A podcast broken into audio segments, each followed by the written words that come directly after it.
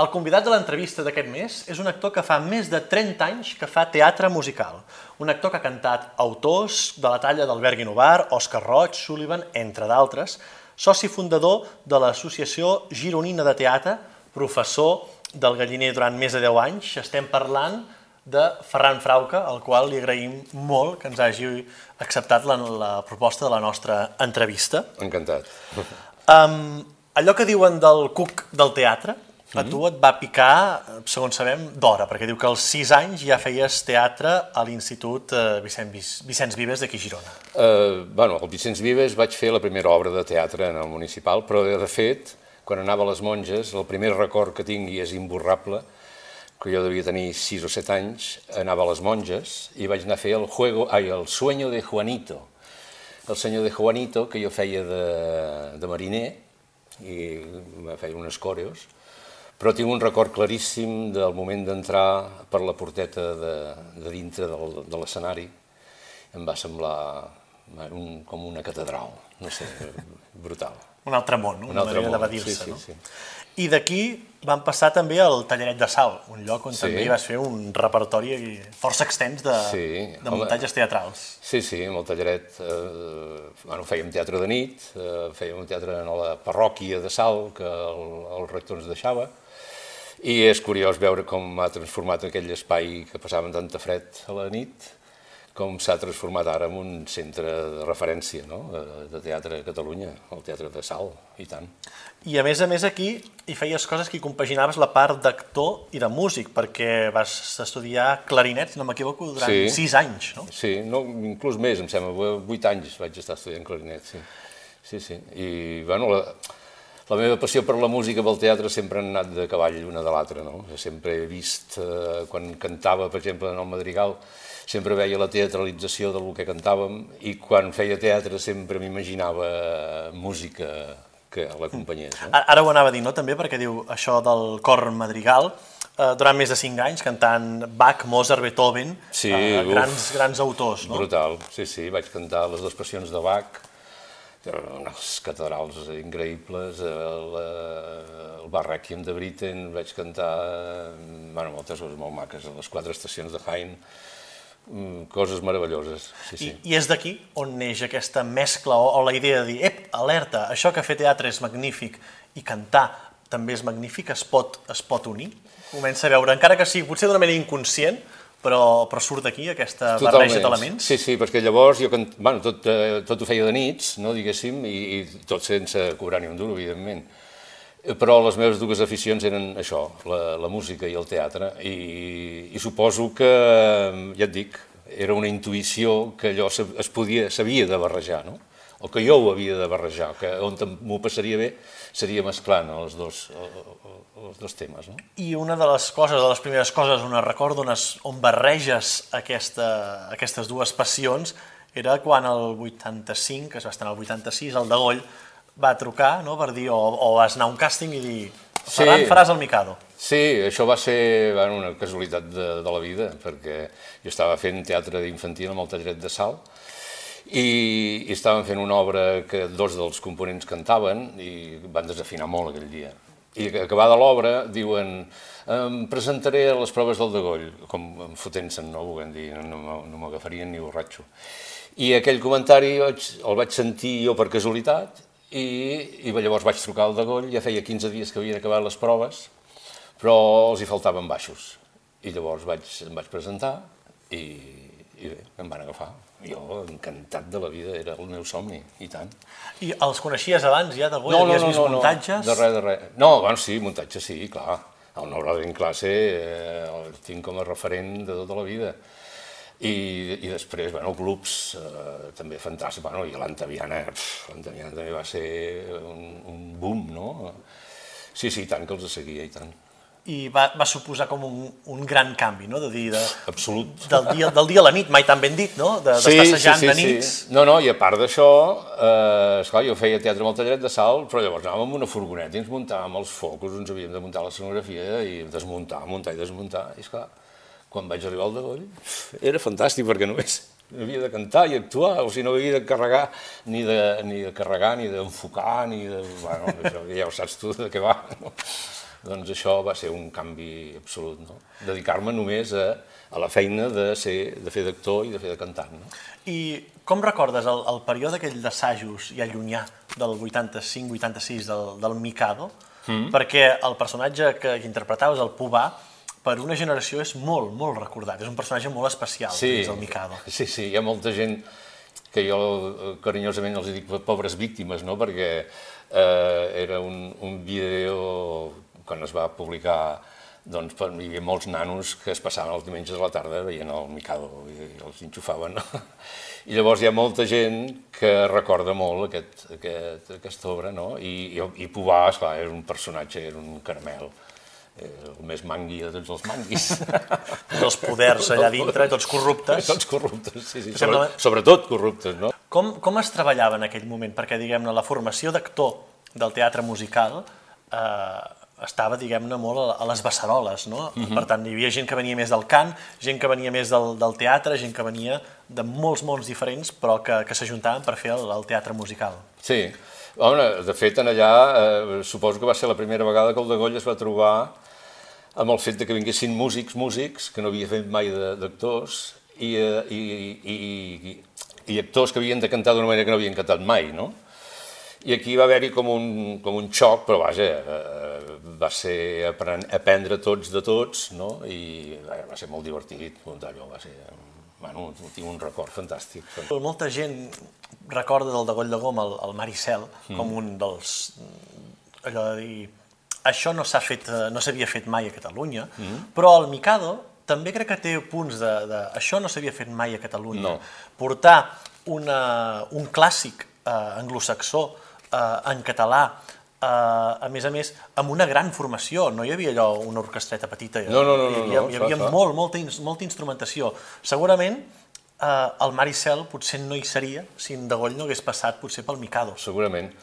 Segurament, però en aquest sentit jo crec que els de Goll eh, sempre han sigut molt valents, han sigut valents en liar-se la manta al cap a coses que dius vols dir, i ells ho han fet, vull dir que ojalà en tinguéssim un parell de regues, no?, de, de gent com ells, que s'han atrevit i han, i han apostat molt fort per, per dignificar aquest gènere que, evidentment, eh, abans era, no, pràcticament sí, no existia. No? Unes perles comptades, no? Mm -hmm. uh, I, de, a més a més del Mikado, neix un espectacle potser poc conegut pel gran públic de, del teatre musical, neix el Quarteto de Cinque. Sí, sí això va ser... Eh, els quatre que cantàvem en el, en el, en el Mikado hi havia un madrigal, un número, i el cantàvem quatre, que, quatre veus. I llavors eh, jo tenia un record molt bo d'uns madrigals anglesos que havia cantat quan cantava el madrigal, i com que teníem molt de temps per anar de gira i teníem molt de rato d'autobús i tot això, els hi vaig proposar de cantar unes quantes cançons d'aquelles. I també una mica el poder provar de cantar de memòria, sense partitura, cosa que també sempre m'ha semblat que era com una, una màscara que es posen molts cantants, no? trencar aquest, aquesta barrera i fer-ho també traduir-los al català. I llavors els quatre bueno, vam estar d'acord, jo vaig portar unes quantes cançons, la Teresa de la Torre va portar unes quantes altres, i ho vam muntar un dia, mm, ho vam presentar-ho. I llavors, com que ens agradava la història i el Degoll també s'hi va posar a favor, doncs vam fer un, un espectacle d'això, que durant la gira del Mikado ho fèiem gratis, ho vam fer-ho a, Bilbao, ho vam fer-ho a València, em sembla que ho vam fer-ho a Palma, no me'n recordo gaire bé, però fèiem sessions al matí gratis, per veure ja quina resposta tenia amb el públic, i com que anava de meravella, doncs llavors vam fer tota una gira per Espanya amb això, sí, sí, va ser molt maco. I com, com reaccionava la gent? Perquè veient el, el vídeo, mm. diguem-ne, és un concepte força, diguem-ne, actual o modern d'agafar un, uns cants an, antics, uh mhm. -huh. treure'ls la pols i reinterpretar-los amb tot el respecte i la cura que es mereixen, però, sí, sí. però donar-los una reinterpretació nova. Això avui en dia, diguem-ne, es fa i s'intenta. Ara ho fa eh, moltíssima Però a l'època potser això no era tan present. No, no, què va? Jo crec que vam ser dels primers en, en, en voler jugar escenificar d'alguna manera un cançons... Repertori clàssic. Sí, i cançons que, que d'una manera Eh, normal es canten amb cor i amb el director d'esquenes i no se li dona cap, cap escenificació, no? Jo, jo recordo un, un número que fèieu de- d'ovelles, Sí, fèiem de xais, anàvem per de terra. quatre grapes, no? Ho dic per, per, per Sí. contextualitzar una mica el, Sí, sí, sí. els espectadors amb, amb això. I d'aquí van sortir altres espectacles del, del Quarteto Sí, Cinque. sí, aquí bueno, va haver-hi una...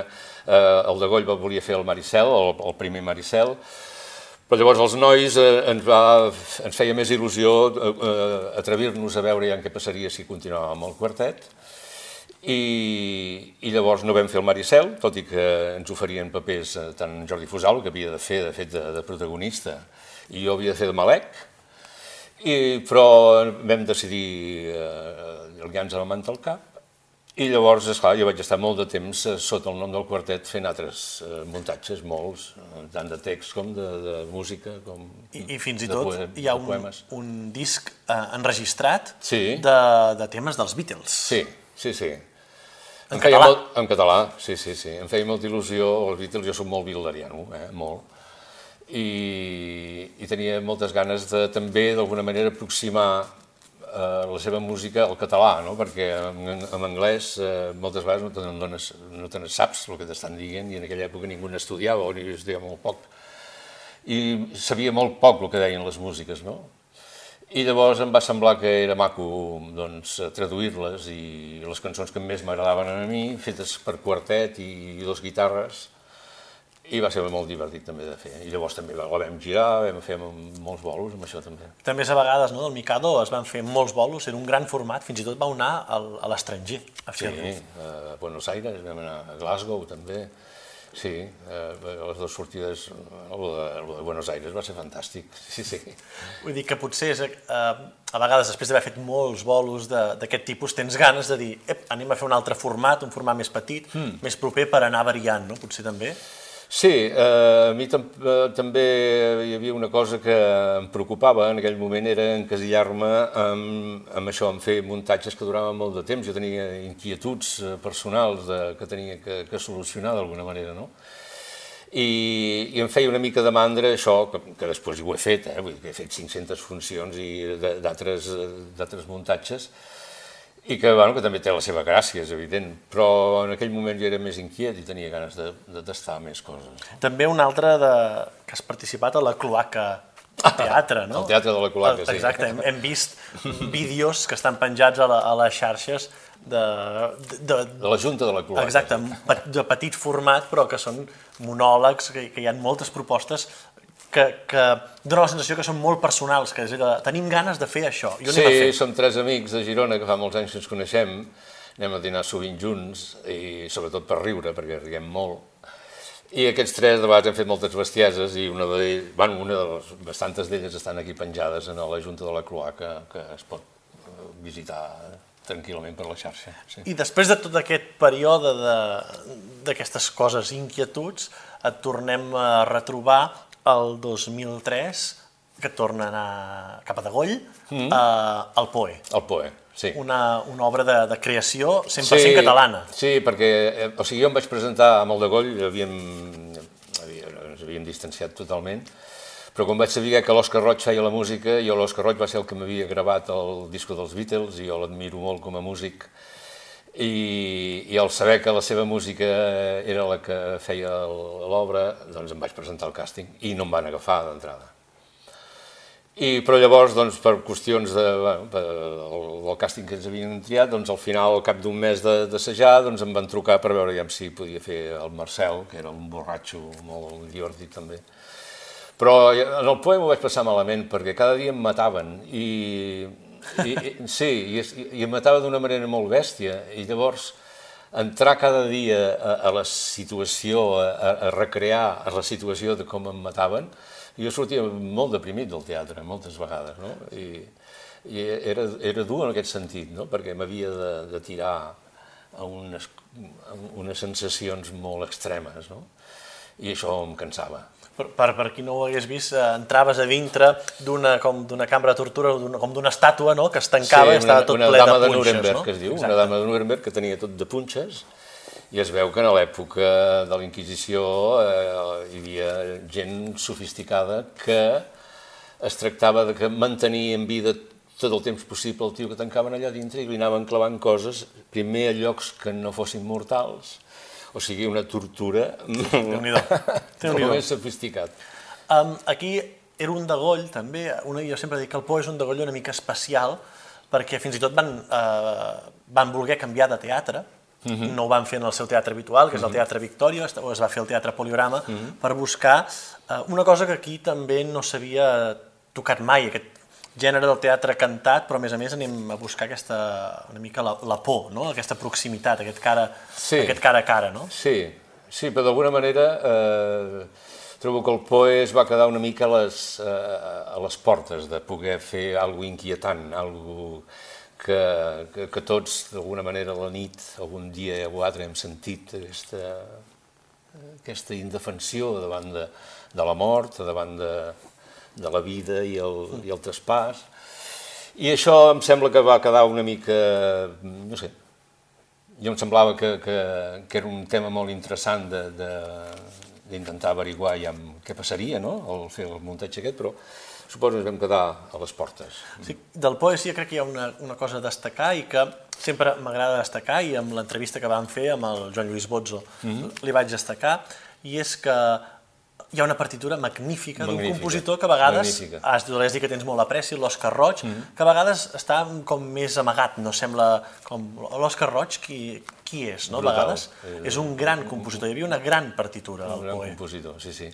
Jo vaig, el vaig conèixer amb ell amb, una, amb unes bandes sonores que va muntar en Sergi Beulel amb un muntatge seu que es deia Tàlam, i eh, tots els, eh, els interludis de, de les escenes hi havia uns talls de corals de quatre veus fetes per l'Òscar Roig, eh, difícils de cantar i d'afinar, i ho vam tenir que gravar molt de pressa, en dos dies, allò va ser una histèria horrorosa, i tinc una, una imatge de l'Òscar Roig a les 5 del matí a l'estudi de gravació i ell encara estava buscant els acords brutal, un llamp de músic, sí, sí. Sempre que, que parlem del Poés, per, per mi és inevitable anar a buscar l'Òscar Roig com, a, com una peça fonamental d'aquell muntatge. I tant. I després del Poe va venir una reposició també del, del Degoll, allò que no va ser el 88 va ser, va ser el 2004, uh, exacte. que es va estar al, Teatre Nacional de Catalunya i després va passar al Teatre Victòria, que és la, la primera reposició del, del Maricel. Del Maricel, sí, sí, que vaig fer de Joanot, eh, substituint en Pep Cruz, que ens coneixem de tota la vida, perquè ell també és de Girona i jugàvem de petits junts, ell a casa dels meus pares era al costat de casa dels seus cosins i ell venia moltes vegades. I de fet, bueno, en Pep va ser el que em va introduir també en el món del teatre quan estava a Girona, que a Girona pràcticament era impossible pensar en aquella època que algú es pogués dedicar professionalment al teatre, no hi havia ningú que s'hi dediqués. I vaig fer el seu paper i llavors al cap dels anys ell ja tornat, va tornar a fer una altra vegada el Joanot. Joanot. Sí. La, la cançó però de, de Joanot en el 2004 mm. eh, és una, el Guino Bar la va reversionar. Sí. O sigui, perquè ara la versió que més recent del Maricel tornava a ser, tornava a ser la primera.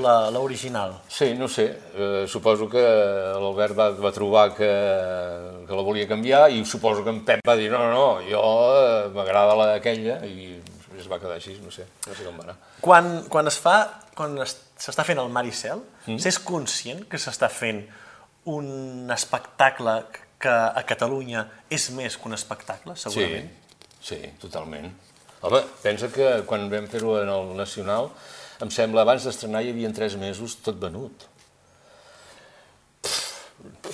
I a més, això, esclar, la, la, estan molt mal acostumats al teatre ple sempre, sempre, sempre.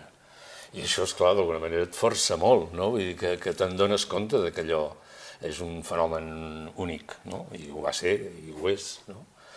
I, i era impressionant, d'alguna manera, també el, el, la connexió que hi havia amb el públic, no? els silencis que es creaven, i que curiosament després vam anar a Madrid i va ser un desastre, vull dir que a Madrid no ens va entendre ningú, no? I, i tot el que s'entenien aquí allà no, no va anar. Això a vegades passa, no? Som, no?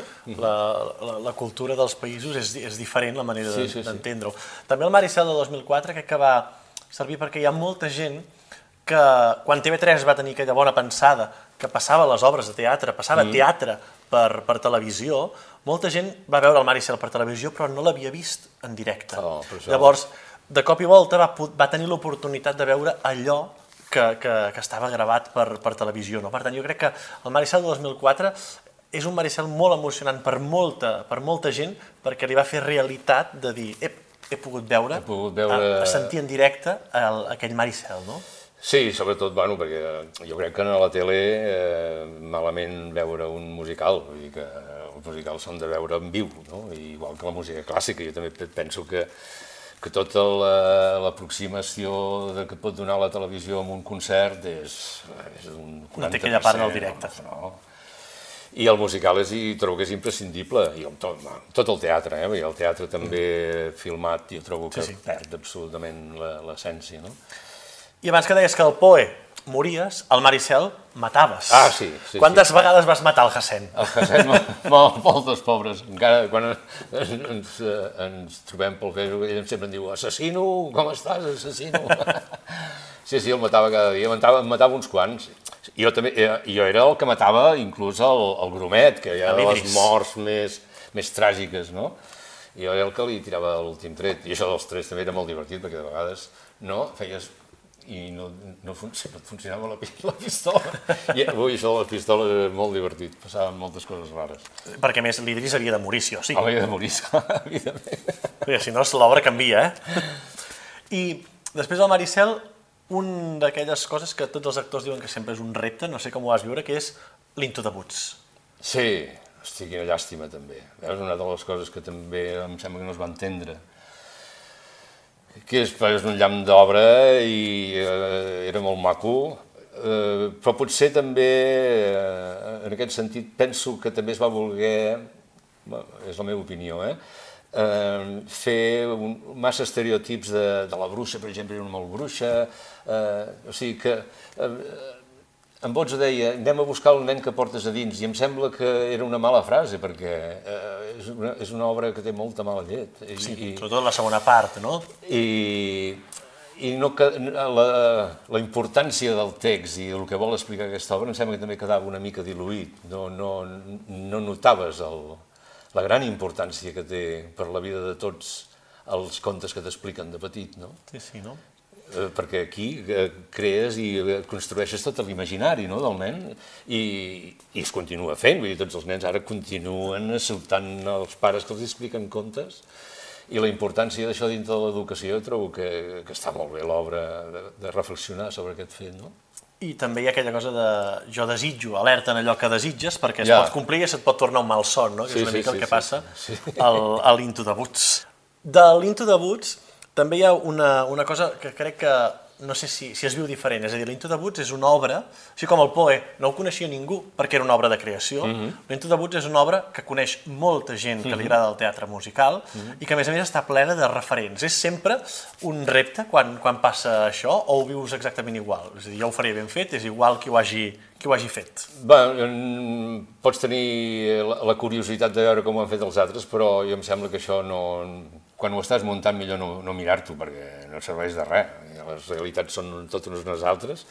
Els actors, el director, tot canvia, i per tant el producte ha de ser nou, és com pintar un quadre de nou, i encara que hagis de pintar un gos, doncs eh, tothom pintarà el gos com li doni la gana, no?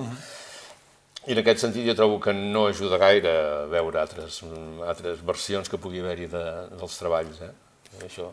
I en aquí, com era molt, molt conegut l'Into de Boots, es va agafar una altra cosa, el de Goll, que va ser la del 2009, la Loma, mm. i ep, t'agafem una, una cosa catalana, la transformem en un espectacle de lletra musical que va, estar al Nacional i que va fer gira també per... Sí, sí, sí. Per sí, Catalunya. Sí, sí, molt maco també, va estar molt divertit allò, sí. I jo feia del Vell Cabanes i cantava una cançó molt divertida dalt d'una taula, eh, i m'ho passava molt bé. El, per tant, diguem-ne, és, és un gust, no?, de, valorant-ho així, és a dir, agafar una cosa clàssica com el Gilbert Sullivan, no?, del Mikado, mm. eh, un, un, una reposició com del Maricel, una cosa de creació eh, El Poe, sí, sí. eh, com el Poe, com la Loma, és a dir, que, diguem-ne, has tocat quasi bé totes les tecles que es Bueno, poden sempre, tocar aquests... i, I sempre molt de goll, vull dir que molt de goll em sembla que he fet cinc o sis muntatges, no? I que... Que això vol dir que són moltes funcions, perquè el de Goll no és allò de fer sí. dues o tres funcions, No. no. són fer temporades llargues, Sí, normalment. sí, sí, sí, sí. Jo, no sé, de vegades eh, he, he mirat de calcular quantes funcions porto, em sembla que portar entre 3 i 4.000. Això es diu aviat, menys, però sí. és, són moltes funcions. Moltes Eh? funcions, sí. I després vam trobar una... l'altre llibre de les bèsties. Sí, És a dir, barrejàvem teatre, música, poesia... sí, això va ser eh, l'avi Sunyer, que havia sigut alcalde de Sal i senador. Eh, ell, quan va tenir bueno, tots els fills que tenia, va fer un bestiari, no? i els dedicava als fills. I llavors una de les filles eh, li va demanar a ma germana, que és cantant, canta molt més bé que jo, que ja si podia fer alguna cosa eh, amb allò, no? I ella va anar a buscar en Joan Sadurní, un pianista excel·lent de Girona, i ells dos van començar, en Sadurní va fer peces sobre, sobre alguns animals, i llavors quan ja ho tenim mig muntat, eh, en Sadurní diu, per què no li dius al teu germà i em s'hi vingui? I llavors, entre tots tres, vam muntar l'altre llibre de les bèsties d'en Salvador Sunyer i música de en Sadurní, Exacte. en Joan Sadurní. I després d'això també hi va haver una, una estrena de, del primer espectacle musical que es va veure a l'Almeria Teatre, Ah, sí. no? que també era eh, un, un altre, potser una tecla que potser faltava tocar, de dir, vale, anem a fer una cosa que sigui eh, la filosofia de l'Almeria Teatre mm, per tots els públics, que primi la qualitat, però potser no aquella cosa més comercial, no? No, no ho era de comercial, eh, tot i que era un muntatge super divertit. I la- la- l'única llàstima és que no ens van deixar traduir les lletres de les cançons. O sigui, van deixar traduir el text, però les lletres de les cançons van obligar els autors a que es cantés en anglès. I això trobo que distanciava, distanciava no? Però, vaja, un elenco que diuen fantàstic, va ser molt divertit també fer, fer allò. Jo feia una cosa sobre eh, un tio que feia quatre o cinc personatges, feia de, de voltor, feia de, de traficant d'armes, feia de la dona d'en- Hemingway, bueno, tot una cosa molt, molt divertida. Sigui, el, i, I el 2014, diguem és un any de moltes produccions. Fang i Setge, Nevares i Josafat. sí. és, és, és... Ostres, i a més a més amb, amb compositors i autors molt diferents, Salvador Brutons, que per exemple diguem-ne ve d'un món més clàssic, no? l'Ignasi Roda, que ve diguem directament d'un món teatral, podem Totalment, dir, i el sí. Marc Timon, que ja és una suma de, de mons diferents, des de la cobla, el clàssic, el modern. Mhm. eh, es viu molt diferent a l'hora d'interpretar eh, un compositor, depèn dels seus referents, no? Home, eh, sí, eh, el que és evident és que hi ha, hi ha temes que si toquen cantar-los doncs són més agraïts uns que, que, que els altres. Eh, me'n recordo que quan fèiem això del Nevares, jo tenia una cançó que... Eh, ara me'n recordo exactament què deia la lletra. Uh, L'art de viure en L'art de viure amb... No? Però que era com un calipso, com una cosa molt rara, però la lletra era completament contrària a, a, al, al tempo de la cançó i, i me'n recordo que en Roda em va dir tu, això és que va ser un moment de... Tu, tu canta-la canta, canta com puguis. I era, saps, és això, que de vegades hi ha coses que estan més ben construïdes, no? que, que et porten a, a entendre més bé el que has de fer. I en canvi aquí, esclar, era una lletra molt trista amb un calipso, i això de vegades és més difícil de defensar, no? Una mica sempre anant a buscar com els mestres, no? el Sondheim eh, diu que es defineix com a un dramaturg musical. Clar. Crec que és una, pel, pel teatre musical crec que és Home. una molt bona definició. I tant, i tant. El que necessita l'escena, no? De fet, eh, sempre he pensat, quan fèiem el quartet, ens dirigia el mestre Ribó, ens vam anar un quants dies a casa seva, eh, gran músic i, bueno, i havia dirigit eh, molts cors, i va dir una cosa que a mi sempre ho he pensat, la música és la lletra.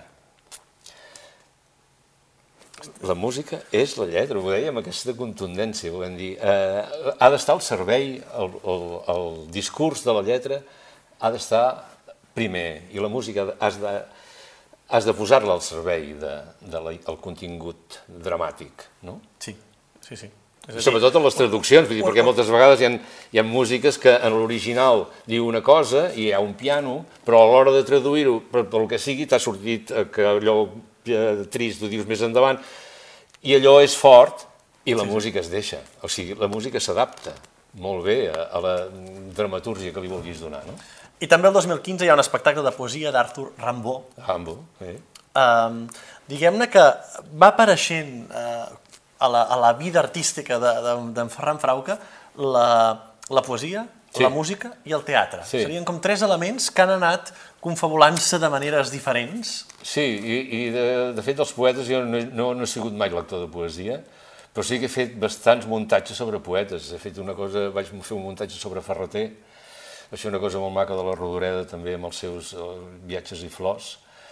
Eh, vaig fer Paul Auster també amb els seus poemes. Eh, vull dir que la poesia eh, hi he entrat a partir de que he volgut fer muntatges sobre alguns poetes i la veritat és que és un món molt interessant. I ara que estem fent el Verdaguer, eh, que és el sum sum corda, no trobo, de, de, del poemari català, doncs eh, estic, mm, sí, sí, enganxat també a la poesia. Ara, ara ho anava a dir, dic, i després de tot això ja trobem el Verdaguer Ombres i Maduixes, aquesta òpera rock que es va estrenar al desembre i que ara just acaba de fer una temporada breu al, al Teatre Romea, que prepara ja bolos per Catalunya, no? Música, poesia, teatre, és això, és una, una, una constant. Com, com has viscut aquest, aquest Verdaguer? Ah, molt divertit, m'ho he passat molt bé, m'ho estic passant molt bé, vaja. Eh, a mi m'agrada molt, és el que més m'agrada del teatre, veure com d'un text adormit, mica en mica va creixent, va creixent, va creixent, i es va col·locant a sobre l'escenari, no? Aquest procés és el que jo trobo màgic. Llavors, una vegada has arribat, has fet, eh, potser has fet una caseta molt mona, o has fet un, un hotel de, de 15 pisos, o has fet un gran monument, o de vegades quedes en una barraca. No saps exactament on t'has arribat, això el públic sempre t'acaba dient, però el procés de creació és el que trobo més, més divertit, i en aquest sentit això, en aquest, en aquest cas ha sigut molt maco. No? Per, per qui no hagi vist Verdaguer Ombres i Maduixes, com, com el definiries? Perquè és un espectacle basat on totes les lletres de les cançons són de, de, mossèn, de Jacint Verdaguer, de mossèn Cinto. Mossèn Cinto, sí. El, eh, és una cosa poc habitual també a casa nostra que un lletrista sigui eh, un, un poeta. Sí, Però malgrat això, quan Sí. les sents, jo crec que no, no, no són, no es veuen gens antigues, gens va? No, no, al, no, al no, contrari. No, què va, què va, què va.